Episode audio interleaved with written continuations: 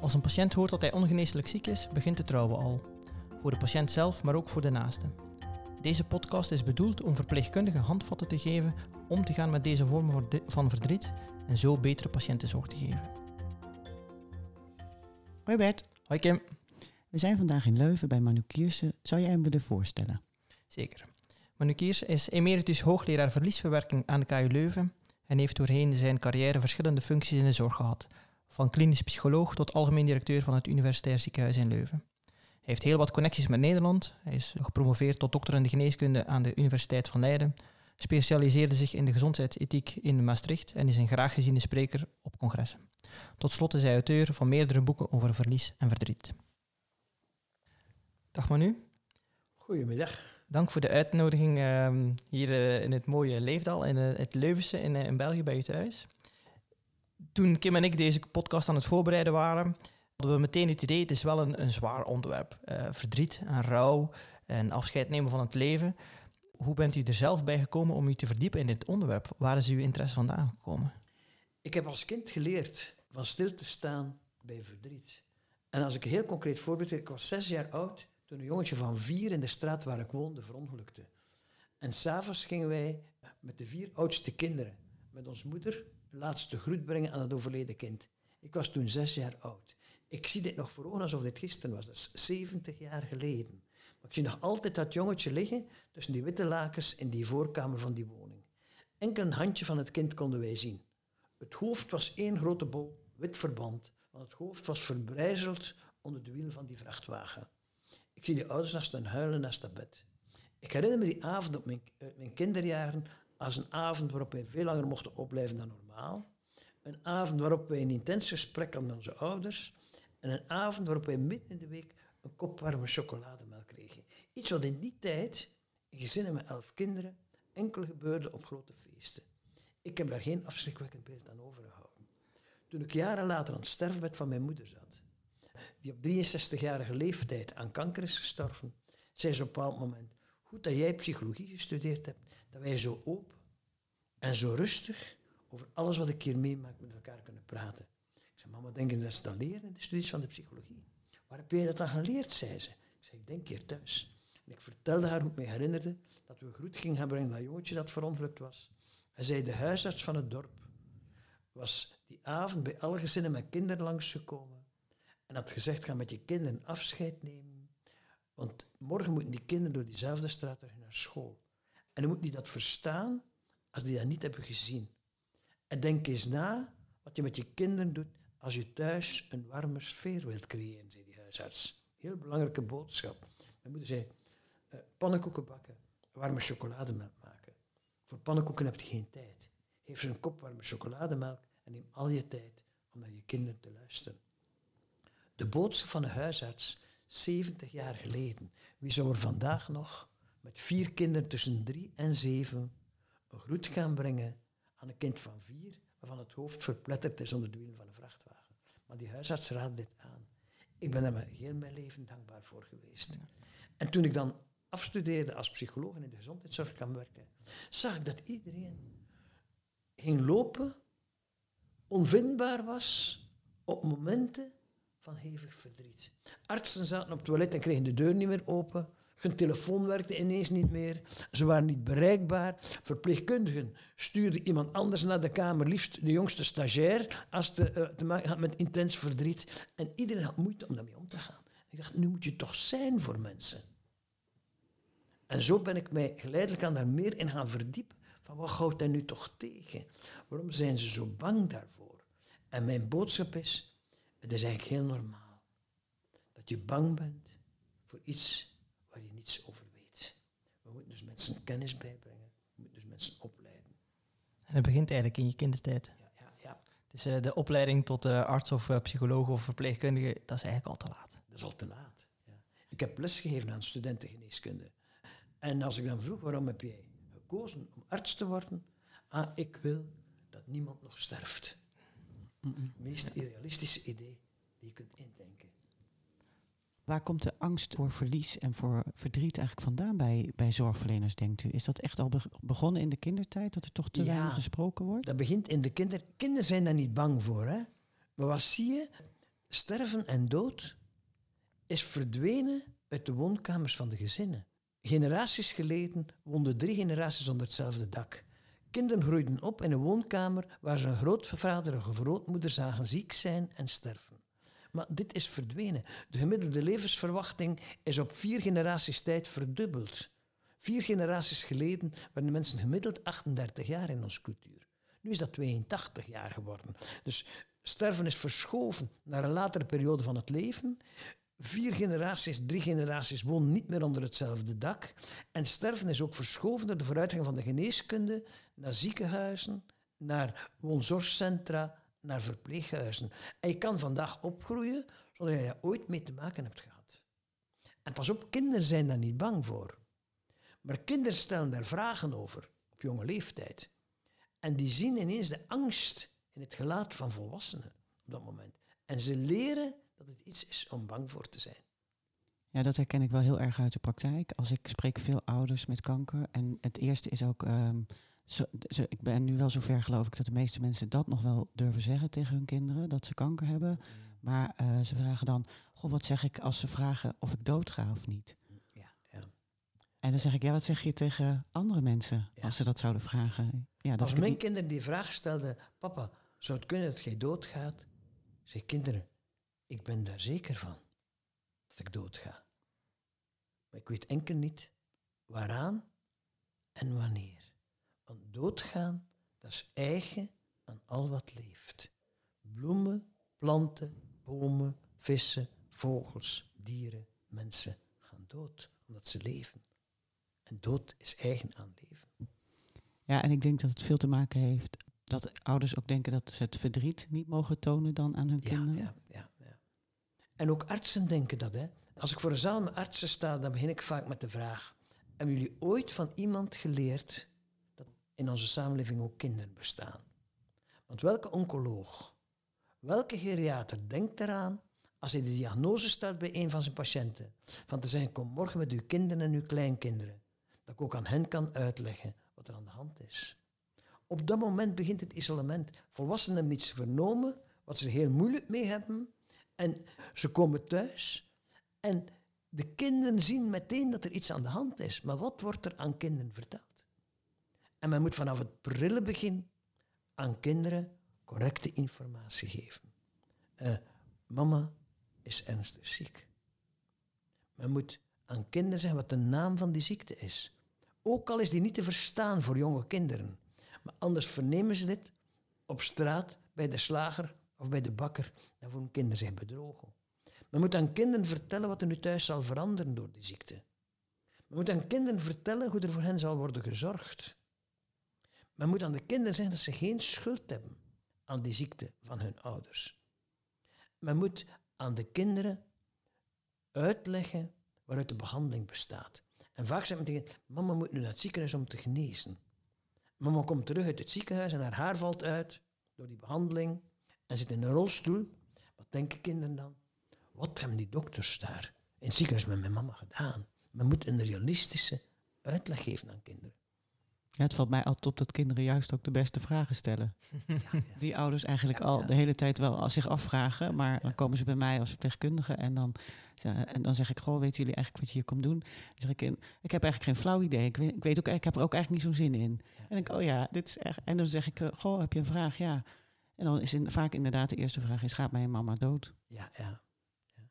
En omdat het wel leeft, die vraag. En pas op, uh, die vraag bij kinderen mijn kinderen waren, denk ik, vier en twee jaar oud.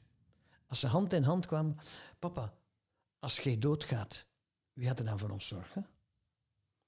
En als kinderen zo'n vraag stellen, dan beginnen ouders angstig te worden. En dan zien kinderen meteen, oei, dat is ik, zit in de, ik zeg, kindjes, doodga je omdat je erg ziek bent. Niet zoals jullie eens de griep hebben, maar een heel erge ziekte.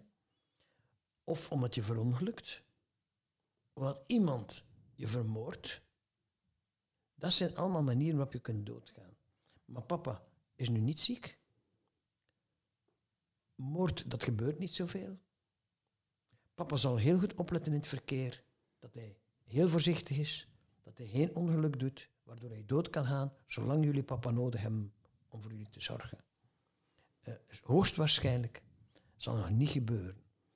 Maar papa kan dan niet beloven dat dat niet zal gebeuren. Ik kan toch wel ineens ziek worden, maar dat is niet waarschijnlijk. Er kan iemand mij ook doodrijden, maar dan is mama er om voor jullie te zorgen. En dan komt de tweede vraag. Papa, en als mama dan ook doodgaat? Ik heb nog eens uitgelegd dat het niet zo frequent gebeurt dat de papa en de mama alle twee doodgaan als de kinderen nog klein zijn. Maar ik zei, kinderen, dat zal waarschijnlijk niet gebeuren. Maar ook dit kan ik jullie niet beloven dat dat niet gebeurt. Maar moest dat nu eens gebeuren, waar zouden jullie dan willen wonen? Daar moest daar geen twee minuten over nadenken. Bij Leo en Christa, we hebben een leuke zolder met veel speelgoed. ik zei, we zullen dat met Leo en Christa bespreken en een brief op de schouw zetten. Als dat ooit gebeurt, dan moet je maar die brief geven aan de eerste persoon die komt. En dan weten ze dat jullie naar Leo en Christa moeten brengen, kunnen jullie daar wonen. Van het moment dat die brief op de schouw stond, was voor de kinderen het probleem opgelost. Ja, geweldig. Maar kinderen zijn daarmee bezig. Op die leeftijd van vijf, zes jaar zijn die bezig. Mijn jongste kleindochter kwam hier zondagmorgen binnen. Ze opa, ik moet eens iets met u bespreken. Mama heeft gezegd dat je alles weet over de dood. Ze was vijf jaar oud. Elk kindje heeft twee opa's. Ik zei, ja, Liesje, ik heb ook twee opa's. Maar opa Louis is dood, want die is in zijn bord gevallen. De schoonvader van mijn dochter heeft ooit een infarct gedaan terwijl ze aan tafel waren. En die is, is voorovergevallen in zijn bord. Opa, heb jij opa Louis gekend? Ik zeg ja. Kunt je mij dan vertellen over opa Louis? Dan eh, leer ik hem ook kennen. Dan heb ik ook twee opa's. Ik zal, Lies, ik zal je alles vertellen wat ik over opa Louis weet. Maar wie daar veel meer over weet dan ik, dat is uw papa. Want opa Louis was de papa van uw papa. Dat weet ik wel, opa. Maar mijn papa weet niet over de dood. Haar papa is huisarts. Nee, ik, ik vond het heel mooi dat je dat zegt. Uh, en dat je dat uitlegt aan de kinderen. De kans dat papa ziek wordt is niet zo groot. En de kans dat er een ongeluk gebeurt is niet zo groot. Deze podcast is natuurlijk voor verpleegkundigen die in de oncologische zorg werken. En die zien, denk ik, veel vaker dan gemiddeld natuurlijk iemand die wel ziek is. En waarop de kans op genezen misschien niet zo groot is. En waarmee, waarbij dus ook veel mensen sterven. Uh, Kim zei het al uh, uh, in, in de voorbereiding op deze podcast. Een, een, lijstje aan de muur met de patiënten die die dag of die week op de afdeling zijn overleden. Dus zij worden natuurlijk veel meer dan gemiddeld geconfronteerd met verdriet en met, met het sterven van mensen. Hoe ga je daar dan mee om? Als dat eigenlijk veel vaker gebeurt dan misschien in een, een andere persoon. Ik zei zo, voordat jullie het gesprek begonnen, dat ik eigenlijk mijn vak geleerd heb als vrijwilliger op de oncologieafdeling. En ik heb toen van patiënten de meest fundamentele boodschap geleerd. Dat was de tijd, ik was student in de zestiger jaren, ik deed vrijwilligerswerk op een kankerafdeling. Dat was de tijd dat het woordje kanker en dood nooit werd, uitgesproken. En uh, als patiënten met hun bedenking kwamen, uh, ik voel me zo ziek vandaag. En de dokter zegt dat ik er beter uitzie. Ah, je moet er de moed inhouden, zijn de verpleegkundigen. Dokters weten wat ze zeggen. Je hebt je toch al vaker ellendig gevoeld, het is toen toch ook weer beter gaan. Dat is de medicatie die je zo ziek maakt. Ja, zou ik mijn studies nog kunnen hervatten? Dan zei de arts, maar natuurlijk. Vraag maar aan uw ouders als ze een paar cursussen kopen, dan kan je al beginnen te studeren. En ik was vaak jaloers op hun directe manier van bemoedigen. Zij konden zo direct antwoorden op al die vragen en die konden bemoediging brengen en bevrijding brengen waar diep verdriet om de hoek kwam kijken. En ik dacht, ik moet nog heel veel leren.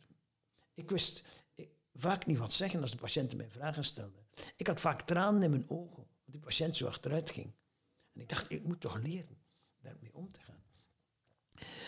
Het meisje waarvoor ik mijn vrijwilligerswerk was begonnen, is gestorven de 14 november van 1967.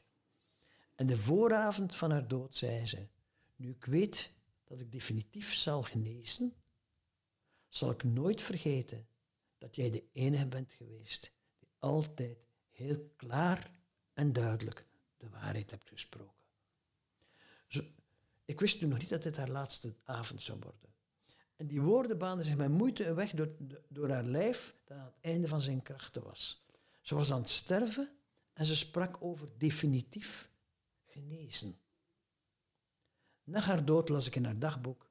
De dokters en de verplegenden en me weer eens proberen te bemoedigen met hun kwinkslagen en hun wegwuivende reacties.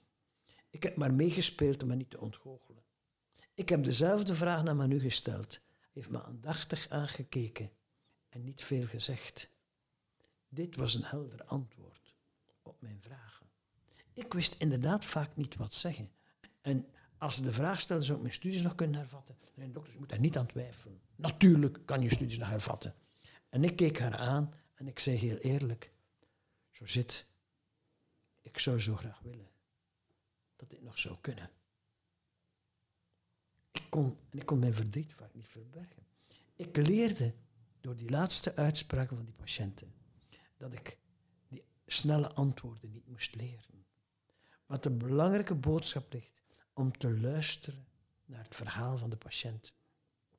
En als je aandachtig luistert naar het verhaal van de patiënt, dan voel je vaak hoe een oud verdriet bij mensen bovenkomt. Ik schrijf in mijn boek, de huid heeft een geheugen. Als je een hand op een arm legt, door de warmte die je overbrengt, komt vaak een heel oud verdriet van mensen naar boven. En ik leerde van patiënten dat je het verdriet niet moet wegnemen, maar dat je aanwezig moet kunnen blijven in het verdriet. En dat je de boosheid van mensen moet kunnen accepteren, omdat er iets tegenvalt. Eigenlijk hebben patiënten mij geleerd wat ik moest weten als psycholoog. En ik blijf een beetje haken bij wat u zegt. Van ik kan soms mijn eigen tranen niet verbergen. Uh, nou hebben wij uh, ooit op de opleiding, of in ieder geval toen ik de opleiding deed, dus ook alweer een tijd geleden, hebben wij geleerd dat het eigenlijk niet de bedoeling is dat je zelf gaat huilen. Want daar kunnen patiënten niks mee.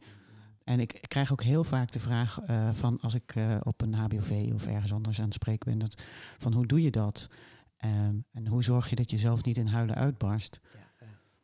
En uh, wat, wat, vindt u daarvan? Dat wij dat nog. Ik denk dat het nog steeds wel geleerd wordt dat we eigenlijk de tranen moeten verbijten. Ik denk dat men moet ervoor zorgen dat men zodanig ervaren op zijn benen staat in dit soort situaties, dat men niet ten onder gaat aan verdriet. Maar verdriet laten zien. Je moet me eens vertellen, een verpleegkundige die met oncologisch zieke kinderen werkt en die onbewogen daarmee kan omgaan. Zonder verdriet te laten zien. Wat kan die betekenen voor die kinderen en voor die ouders? Kan toch niet? Nee. Uh, goede zorg is voor mij betrokken zorg. Ik ga een heel frappant voorbeeld geven. Ik ben directeur zorg geweest in het grootste ziekenhuis van België. En ik had zo'n aantal criteria om, waar, ik was verantwoordelijk voor 4000 verpleegkundigen. Ik had zo'n aantal criteria om in de gaten te houden van waar moest ik me bezorgd om maken, waar is het goed om te werken. En ik had af en toe een aantal checkpunten. En een van mijn checkpunten was, ik vroeg elk jaar het aantal mutaties per afdeling op. Ik had ook elk jaar een paar gesprekken met de bedrijfsarts te horen van zijn er afdelingen waar ik mij zorgen moet maken zonder dat die beroepsgeheim moest schenden. Uh, kon die dan zeggen, maar nu je moet daar of daar is meer aandacht aan geven. Maar een van mijn dingen was ook het aantal mutaties. En ik zag dat er een bepaalde afdeling oncologie een derde van de mensen waren vernieuwd in de loop van dat jaar. En ik roep mijn directeur en ik zei, dat verontrust mij een beetje, onderzoek dat even. En na een paar dagen komt hij bij mij en hij zegt, Manu, er is een verklaring voor hoor. Dat is een afdeling met zeer zwaar oncologische patiënten, die telkens ook terugkomen, hervallen. En mensen vinden dat een te zware zorg en vragen na een tijd mutatie naar iets dat minder emotioneel belastend is. En wij hadden een heel open mutatiebeleid in het ziekenhuis. Ik zei, oké. Maar ik dacht daar s'avonds over na. Ik dacht, maar ik heb vier zo'n oncologische afdelingen. Zou dat overal zo zijn? Ik kijk die cijfers na. Op de ene is er één mutatie, op de andere zijn er geen. En ik roep die terug en ik zeg, Paul, onderzoek dat eens verder. Want is, zijn de patiënten zo verschillend gedurende die vier, uh, het, het, uh, in die vier afdelingen? Want ik zie daar maar op één afdeling zoveel mutaties. En na een paar dagen komt hij, het is een verklaring voor, zegt hij. De mensen op die afdeling zijn relatief veel jonger dan het gemiddelde op de andere afdeling. Die hebben nog niet zoveel levenservaringen. Dat zijn jonge mensen, de romantische periode van het leven, verkering, huwelijk, kinderen krijgen. Dat staat haaks op heel die levenseinde problematiek waar ze elke dag mee worden geconfronteerd. Ik dacht, oké, dat is een verklaring. Maar naar huis rijden, als ik weer aan het nadenken dacht, uh, zou het kunnen dat die gemiddeld zoveel jonger zijn? Omdat elk jaar een derde van die mensen vervangen worden door nieuwe mensen. En ik vroeg de cijfers op van de voorbije jaren en ik zie daar inderdaad een trend. Ik dacht, ik moet dat verder zelf onderzoeken. ik had af en toe een ochtendlunch met een aantal verpleegkundigen uit verschillende afdelingen. En ik stelde een team samen uit die drie afdelingen. En ik had een ochtendlunch met hen om eens te praten over hun ervaring in het werk. Wat vernam ik daar? Ik kan daar een boek over schrijven wat ik vernam. Maar ik ga het kort samenvatten. De verpleegkundige zei, ja, je komt de maandagmorgen op dienst. En in het weekend zijn drie mensen gestorven. En eh, je zegt daar iets van tegen de hoofdverpleegkundige. En zegt ze, ja, op zo'n afdeling, dat weet je. Ja, wat wil je? Sterven hoort erbij, het is een deel van ons werken. Over tot de orde van de dag. Op een andere afdeling, de hoofdverpleegkundige komt de maandagmorgen op dienst. Kijkt naar de lijst van patiënten. En ziet, oei, twee patiënten gestorven het weekend. En wie van mijn verpleegkundigen was van dienst? Ze roept hij bij zich en zegt ze, mensen, jullie hebben nog een weekend gehad. Twee sterfgevallen het weekend. Hoe hebben jullie dat kunnen redden? Hoe heb je die families kunnen opvangen? Met welk gevoel zijn die mensen naar huis kunnen gaan? Wat hebben jullie daarbij gevoeld? En ze laten een verhaal vertellen. En ze weet je, straks op de briefing moet je ook aan het team daar iets over vertellen. Ze hebben allemaal die patiënten ook gekend. Ja, maar dat was zo emotioneel en misschien beginnen we wel te huilen. Huilen hoort bij ons vak. Dat hoort er best bij. Ze mogen het ook zien dat je daar erg om bezorgd bent. Dat is voor iedereen goed om te zien. Op die afdeling waren geen mutaties. Op de andere afdeling waren een derde mutaties. Ik dacht, ik weet wat ik moet doen. Ik moet een nieuwe hoofdverpleegkundige Ja, afdeling ik hoop dat heel veel zorgmanagers luisteren op dit moment. Het gaat om zien en gezien worden. Ja, Het- ja. Het is eh, een terugkerend thema. In, eh, Ja, maar het is, ik heb ooit een keer, en dat, eh, dat raakte me heel erg, dat een van onze studenten zei, het lijkt wel alsof het jullie niks meer doet. En toen dacht ik, oh, is dit wat wij uitstralen? Maar toen Ja. kwam ik er inderdaad achter dat als ik het moeilijk heb of als ik er, er- ergens verdrietig om ben, dat ik inderdaad naar mijn vaste mensen ga Ja, ja. en daar een potje ga huilen. Maar dat ik het eigenlijk nooit in het openbaar laat zien. Ik had een hoofdverpleegkundige op de afdeling hematologie. En ik noemde het altijd mijn beste hoofdverpleegkundige. Ik had veel goede hoofdverpleegkundigen, maar dat was hij mijn beste. En ik vroeg aan haar ooit, ik zeg, eh, Hilde, hoe zou jij een goede hoofdverpleegkundige definiëren? Wat is eigenlijk de taak van een goede hoofdverpleegkundige? Zei, dat is heel eenvoudig, menu. In de hangen lopen. Ja. In de hangen lopen. Ik zeg, vertel eens, een goede verpleegkundige die moet de patiënten zien als ze toekomen op de afdeling. Om hen te verwelkomen. Die moet de ogen zien van de familie die toekomt en die vertrekt. Maar wat die vooral moet doen, is kijken hoe er verpleegkundigen uit een kamer buiten komen. En ik weet in kamer 27, die verzorging, een zware hematologisch patiënt, dat vraagt een uur, een uur en een kwart. En er is weinig dankbaarheid te verwachten, want het is zo pijnlijk allemaal voor die patiënt, die is er zo ellendig aan toe. Ik moet in de gaten hebben, als Evelien daar buiten komt, dat ze even tas koffie kan gaan drinken. En dan moet ik kijken en wachten tot Rita uit een kamer komt. Zeg Rita, laat dat eens hier allemaal liggen. Ga eerst een tas koffie drinken in de keuken. Ja, maar ik heb nog dat en dat te doen. Nee, eh, ik zorg daar wel voor. Ga een tas koffie drinken. Als ik die twee vijf minuten samen in de keuken zet, en die, komt die hersteld daaruit. Dit is de taak van een hoofdverpleegkundige. Zien wat je met die emoties doet op zo'n afdeling. Ja.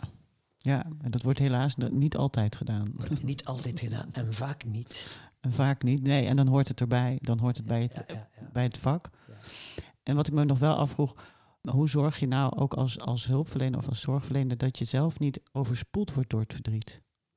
Wel, ik denk dat kennis van verdriet en kennis van wat rouwarbeid inhoudt en wat je daaraan kunt doen en hoe je mensen daarbij kunt helpen, is voor mij de beste remedie om niet overspoeld te worden. Als je het gevoel hebt van ik kan voor mensen iets betekenen, ik kan het verschil maken in het leven van mensen, dat geeft je kracht en dat geeft je energie.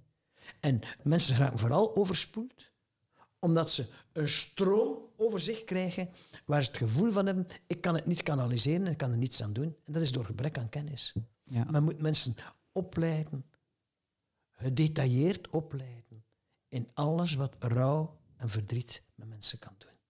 En nou heeft, u- begint over opleiding, vind ik wel leuk, want wij hebben het natuurlijk gehad over Kubler-Ross, Ja, en- met al die leuke fases. ja. Ik weet altijd alleen nog aan ontkenning, moet ik heel eerlijk zeggen, maar er zijn er meer. Eh, wat wat vindt u daarvan? Want dat is nog steeds... eh, Ik heb me daar al eh 30 jaar geleden ernstig, of meer dan 30 jaar geleden, ernstig tegen verzet. Pas op, het boek van Elisabeth Kubler-Ross en al haar werken staan hier ook in mijn bibliotheek. Hè. Ik heb heel veel respect voor Elisabeth Kubler-Ross. Ik heb haar meerdere keren ontmoet. Maar ik heb vanaf het begin altijd gezegd, dit model dat klopt niet. Elisabeth Kubler-Ross zei, stervende mensen maken een evolutie door die bestaat uit vijf stadia. Stadia noemt ze. Een stadium is iets dat een duidelijk begin en een duidelijk einde heeft. Ontkenning, woede, marchanderen, depressie, aanvaarding. Je moet patiënten helpen om tot die aanvaarding te komen. waarom moet iemand zijn dood aanvaarden als hij nooit een tegenslag in zijn leven heeft aanvaard? Je mag van mij best boos en, eh, en kwaad zijn. En dat zijn geen stadia, dat zijn copingmechanismen. Hij kan s'morgens de dood onder ogen zien en smiddags die ontkennen.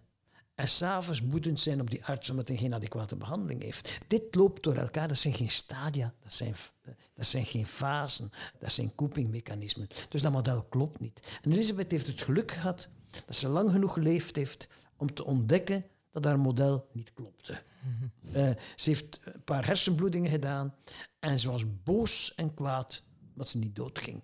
En ze kwam niet tot die aanvaarding. En toen heeft ze ervaren dat je best boos mocht zijn. Waarom moet iemand die altijd boos geweest is over elke tegenslag, nu ineens zijn dood aanvaarden? Laat mensen.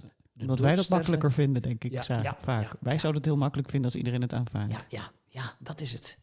En het gaat om wat beleven die mensen.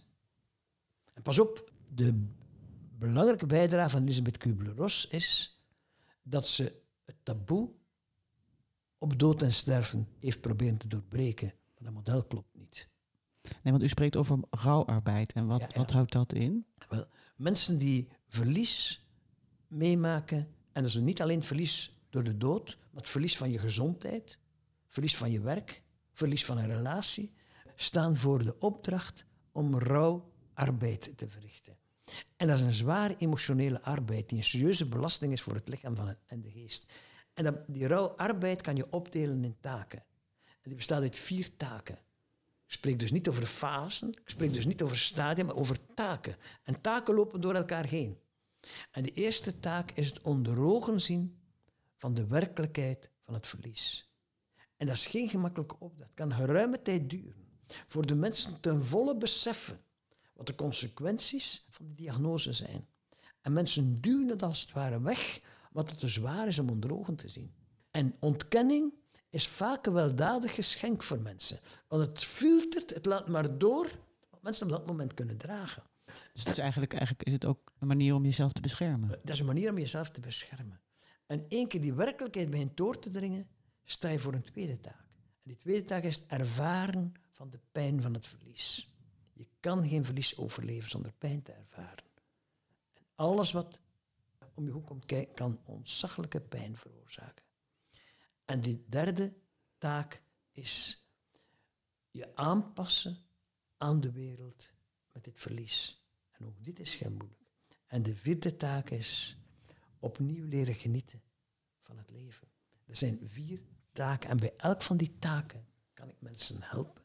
Bij elk van die taken kan ik mensen voor de voeten lopen. En als ik het gevoel heb dat ik een adequate manier het verschil kan maken mensen, is het heel erg belangrijk. En op welke manier zou de verpleegkundige dan kunnen helpen bij deze rouwtaken? De eerste taak, het onder ogen zien van de werkelijkheid, door ervoor te zorgen dat mensen correcte informatie krijgen, die regelmatig wordt herhaald. Verpleegkundigen moeten ervoor zorgen dat mensen hun arts als een goede arts ervaren. En die weten vaak veel meer de vragen van mensen dan die artsen dat weten. Die af en toe eens komen voorbij waaien. Want zij zorgen voor die 24 uur continuïteit. Uh, ik zeg altijd aan verpleegkundigen, een van uw belangrijkste taken is zorgen dat elke patiënt een goede arts heeft. Ja, maar daar kunnen we toch niks aan Nee, kunnen wel iets aan Als de arts op de afdeling komt, dokter, voordat uw tour begint, die en die en die patiënt zit vandaag met een heel belangrijke vraag. Willen we daarmee beginnen? Want je kan voor die mensen ontzaglijk het verschil maken vandaag. Hij probeert die arts te overtuigen, want jullie weten wat er leeft op die afdeling. En die arts weet dat niet. Nee, nee. En jullie moeten hem coachen om een goede arts te zijn voor patiënten. En je moet patiënten helpen om hun vragen te verwoorden. En als patiënten met vragen zitten, help hen om hun vragen op te schrijven. En zorg dat ze beperken tot maximum drie vragen. Want meer dan dat kan je in één keer niet bevatten. En dat ze die op papier hebben en helpen om die vragen te verwoorden voor artsen. Zorg dat mensen hun verhaal kunnen vertellen. Meerdere keren opnieuw. In het vertellen over van die stukjes van de puzzel geleidelijk aan op hun plaats. En ga de confrontatie met het moeilijke voor mensen niet uit de weg. Bij een kind van twee jaar wordt de diagnose gesteld metachromatische leukodystrofie. Dat is een heel zeldzame genetische aandoening die degeneratief is met een zeer beperkte levensverwachting. De moeder vindt dat haar dochtertje van twee recht heeft op correcte informatie. Je moet even luisteren. Lieve Thijs, de dokters hebben ons verteld dat je heel erg ziek bent. Dat je straks niet meer zult kunnen lopen, spreken, zien of bewegen. Wij vinden dit verschrikkelijk. We zijn ook heel erg verdrietig. Maar mijn kind, dat zal ons er nooit van weerhouden om van je te houden. En om er alles aan te doen om je een gelukkig leven te bezorgen. Dit beloven we je. Je zal een mooi leven hebben. Niet een leven zoals andere meisjes of zoals je broer Gaspar, maar wel een leven waarop je echt trots zult kunnen zijn en waarin je nooit aan liefde zal ontbreken. Onze liefde en die van heel veel mensen. Je zal de liefde grondig leren kennen, zoals Gaspar je broer en zoals andere kinderen, maar dit in veel kortere tijd. Een gesprek van een moeder en een kind van twee jaar oud. Dus er kunnen inderdaad veel, dat denk ik ook, veel betekenen in de informatievoorziening. Ik heb ooit een keer een patiënt die was 18 jaar, die zei ja, die dokter, daar, dat is, die heb je wel nodig, maar je hebt echt, pas echt wat aan verpleegkundigen. Ja, ja, ja. De, de vraag was, mag je dan wel je verdriet laten zien?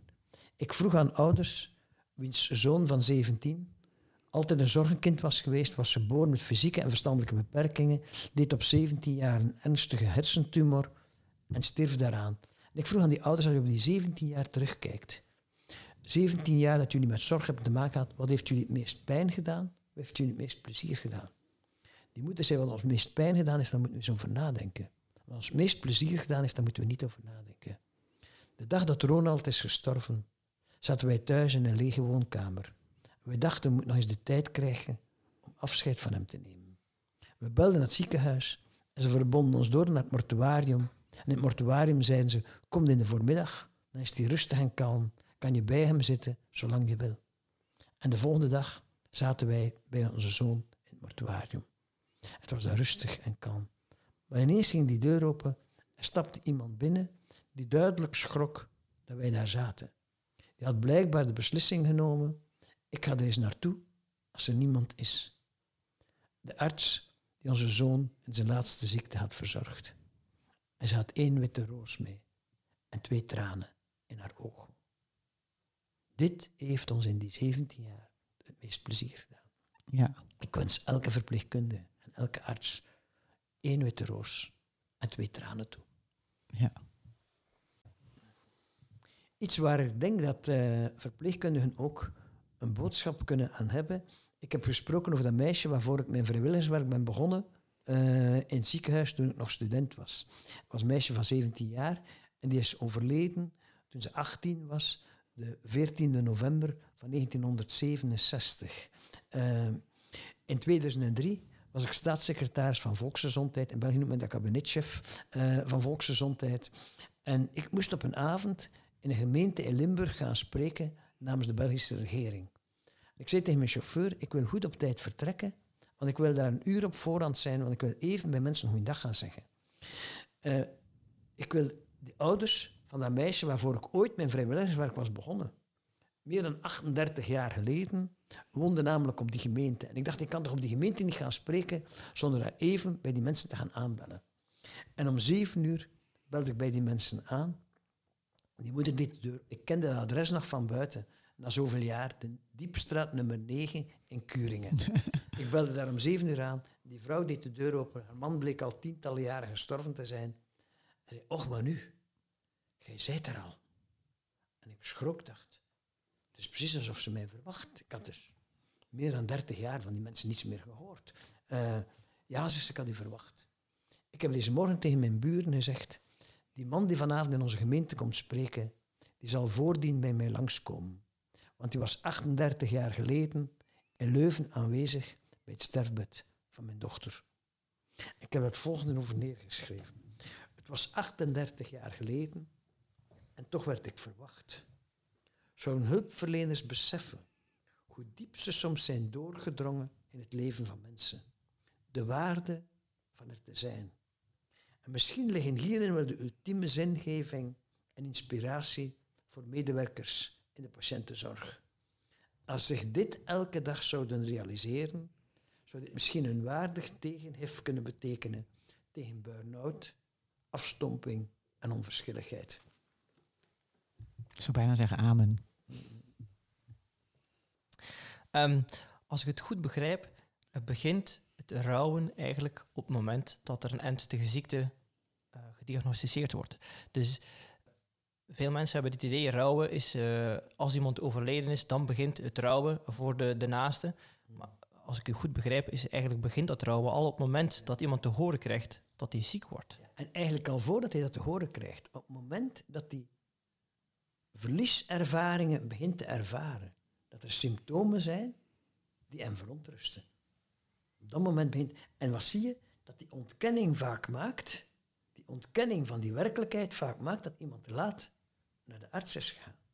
En dat die werkelijkheid ook niet doordringt. Ik kan er een heel frappant voorbeeld. Ik heb zelf 14 jaar geleden een diagnose gekregen van een zeer agressieve vorm van prostaatkanker. De huisarts had bij een controle een ontzaglijk verhoogde PSA-uitslag vastgesteld. En zei, maar nu je zou best eens naar een uroloog gaan om het te laten nakijken. En vier weken later komt mijn vrouw op consultatie bij die huisarts en die vraagt, hoe heeft Manu gesteld bij de uroloog? Die heeft er nog geen tijd voor gemaakt, zegt ze. Oei, zegt de huisarts, dan moet hem toch niet uitstellen. Zou je dat kwalijk nemen als ik eens bel met de uroloog? En mijn vrouw zegt, doe dat maar. terwijl mijn vrouw bij de huisarts zit, belt de huisarts de uroloog. Ik heb hier een patiënt, die leeftijd, Manu Keijzer, pop, pop, pop, die uitslagen. Zeg tegen Manu, zegt de uroloog, dat hij morgen om kwart voor acht op mijn consultatie moet zijn. Zonder excuus. Ik dacht, is dat zo ernstig? Goed. Ik kom binnen bij die arts en ik zeg, kan dat kwaadaardig zijn? De kans is zeer reëel, man nu, zegt hij. Maar hij onderzoekt mij, stelt allerlei vragen en hij vindt eigenlijk niks. Dus het zou kunnen dat loos alarm is, dat jij een blaasinfectie hebt gedaan en dat die hoge uitslag verklaart. Dat gebeurt soms. Maar om zeker te zijn, ik zou toch een echografie willen doen. En u kennen gaat dat weer uitstellen. Uh, als je het goed vindt, bel ik naar mijn collega. Of hij je niet kan tussennemen dat dat nu kan gebeuren. En een kwartier later lig ik op de tafel van echografie. Zet dat toestel op mijn buik. Die legt dat meteen neer en die loopt buiten. Ik zei, dokter, is het al gedaan? Nee, ik moet professor Van Poppel roepen, de uroloog. En na een kwartier komen ze samen binnen. Ik zie op hun gezicht, ik zei, dat ziet er niet goed uit. Nee, dat is heel ernstig, man. Dat is uw prostaat, tonen ze mij op die op dat scherm, alles wat donkerzwart is, is kwaadaardig. Dat ziet er helemaal donkerzwart uit. Ze vragen toestemming om uh, biopsies te nemen. En ik krijg een week later te horen dat die twaalf biopsies, alle twaalf, zeer kwaadaardig zijn. Ik heb een gesprek. Uh, uh, de uroloog, ik heb een PET-scan en CT-scan gepland. Maakt u vrij morgen en overmorgen daarvoor. En ik wil u drie, binnen drie dagen terugzien. Ik zit voor hem drie dagen later, heeft alle uitslagen binnen. En dan zeggen wij drukken dat uit. Zo'n prostaatkanker een Gleason score van 0 tot 10. En als je een cijfer boven de 6 is dat ernstig. Je hebt 9,7 op 10. En tumoren drukken wij uit van T0 tot T4 en hebben een T4-tumor, zegt hij. Leg mij uit dat er vier vormen van behandeling zijn. Niets doen en afwachten, wat soms nuttig is in de geneeskunde. Chemotherapie, bestraling of opereren. En leg de voor- en de nadelen op van die vier strategieën. Ik heb mijn kaartjes bij en ik schrijf zorgvuldig op wat hij mij allemaal vertelt. Hij zegt, opereren, dat proberen we zoveel mogelijk te vermijden. Want dat kan ernstige letsels nalaten, zoals impotentie, incontinentie en dergelijke meer. Ik schrijf dat allemaal zorgvuldig op. Zeg, maar in uw situatie, maar u hebt geen keuze. Radicale operatie. Anders loopt je binnen tien dagen niet meer rond. Radicale operatie met alle gevolgen van tien. Ik kom buiten, ik moet drie uur les gaan geven die voormiddag. Ik moet middags gaan spreken in het inloophuis voor kankerpatiënten. Met als titel: Wat gebeurt er als de kankerdiagnose je leven binnenvalt? Voor mij een voortreffelijke titel die dag. ik kom s'avonds thuis en ik lees mijn kaartjes. En ik lees op die kaartjes impotentie, incontinentie. Ik had dit niet gehoord. Ik had het wel gehoord, want ik had het opgeschreven. Had ik niet opgeschreven, had ik gezworen, ze hebben me daar nooit iets over verteld. Ik dacht, hoe kan mij dit nu overkomen? Ik verwacht mij aan die diagnose. Ik ken dat ziekenhuis. Ik ken die arts. Hoe kan mij dit nu overkomen? Ik heb daar maanden over nagedacht.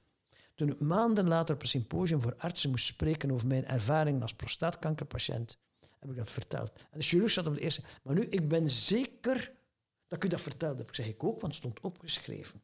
Maar toch had ik het niet gehoord. Ik zeg, zal u eens vertellen hoe dat, dat komt. Ik heb daar maanden over nagedacht. Jullie praten met mij over mijn prostaat. En jullie geven mij een verstandelijke uitleg. Jullie richten zich tot mijn verstand. Wat gebeurt er met mij op dat moment? Ik denk aan mijn vrouw en aan mijn kinderen. En voor mij is dat geen verstandelijk probleem, maar een emotioneel probleem. Je moet je eens voorstellen dat dat twee straten zijn. De straat van mijn prostaat en mijn verstand, ik noem dat de dorpstraat. De straat van mijn vrouw en mijn kinderen en mijn emoties, ik noem dat de kerkstraat. Als jullie aan het praten zijn in de dorpstraat en ik ben vertrokken naar de kerkstraat, dan hoor ik niet meer wat jullie vertellen. En wat moeten jullie als artsen doen? Na twee zinnen stoppen met uw uitleg. Want na twee zinnen is uw patiënt vertrokken van de dorpstraat naar de kerkstraat. Je moet naar de kerkstraat gaan. En hoe doe je dit? Door na twee zinnen te stoppen met die uitleg. De patiënt aan te kijken en te zeggen, vertel me nu eens wat er in u omgaat. Dan ben je in de kerkstraat. En dan neem je hem mee van de kerkstraat naar de dorpstraat. Gaan we hem terug mee van de dorpstraat naar de kerkstraat. En neem hem terug mee van de kerkstraat naar de dorpstraat. Ik heb nooit zo goed medische informatie kunnen uitleggen als toen ik het zelf meegemaakt De dorpstraat en de kerkstraat. En dit is wat elke verpleegkundige ook zou moeten weten. Als je iets uitlegt aan een patiënt, na twee zinnen is die patiënt vertrokken naar de, uh, uh, naar de kerkstraat. Hij moet dus eigenlijk goed toetsen wat er van je verteld hebt ook is overgekomen bij de mensen. Precies. En die uitleg op een adequate manier geven, dat is niet eenvoudig in onze medische wereld. En pas op, ontkenning en men moet ontkenning ook in een zekere mate toelaten. Want dat beschermt mensen tegen een slecht nieuws dat ze op dat moment te zwaar vinden om integraal te integreren. Was u niet bang om te sterven op dat moment? Op het moment dat, dat men zulke heftige uh, diagnose stelde? Want u, u, had zelf over 9,7 op 10. Dat ja, klinkt niet echt hoopvol. Nee, nee. Het moet zijn, ik... Uh, ik ben eigenlijk niet bang om te sterven. Ik ben bang om mijn vrouw en mijn kinderen achter te laten. Ik weet, als ik dood ben, dan is het voor mij allemaal gedaan.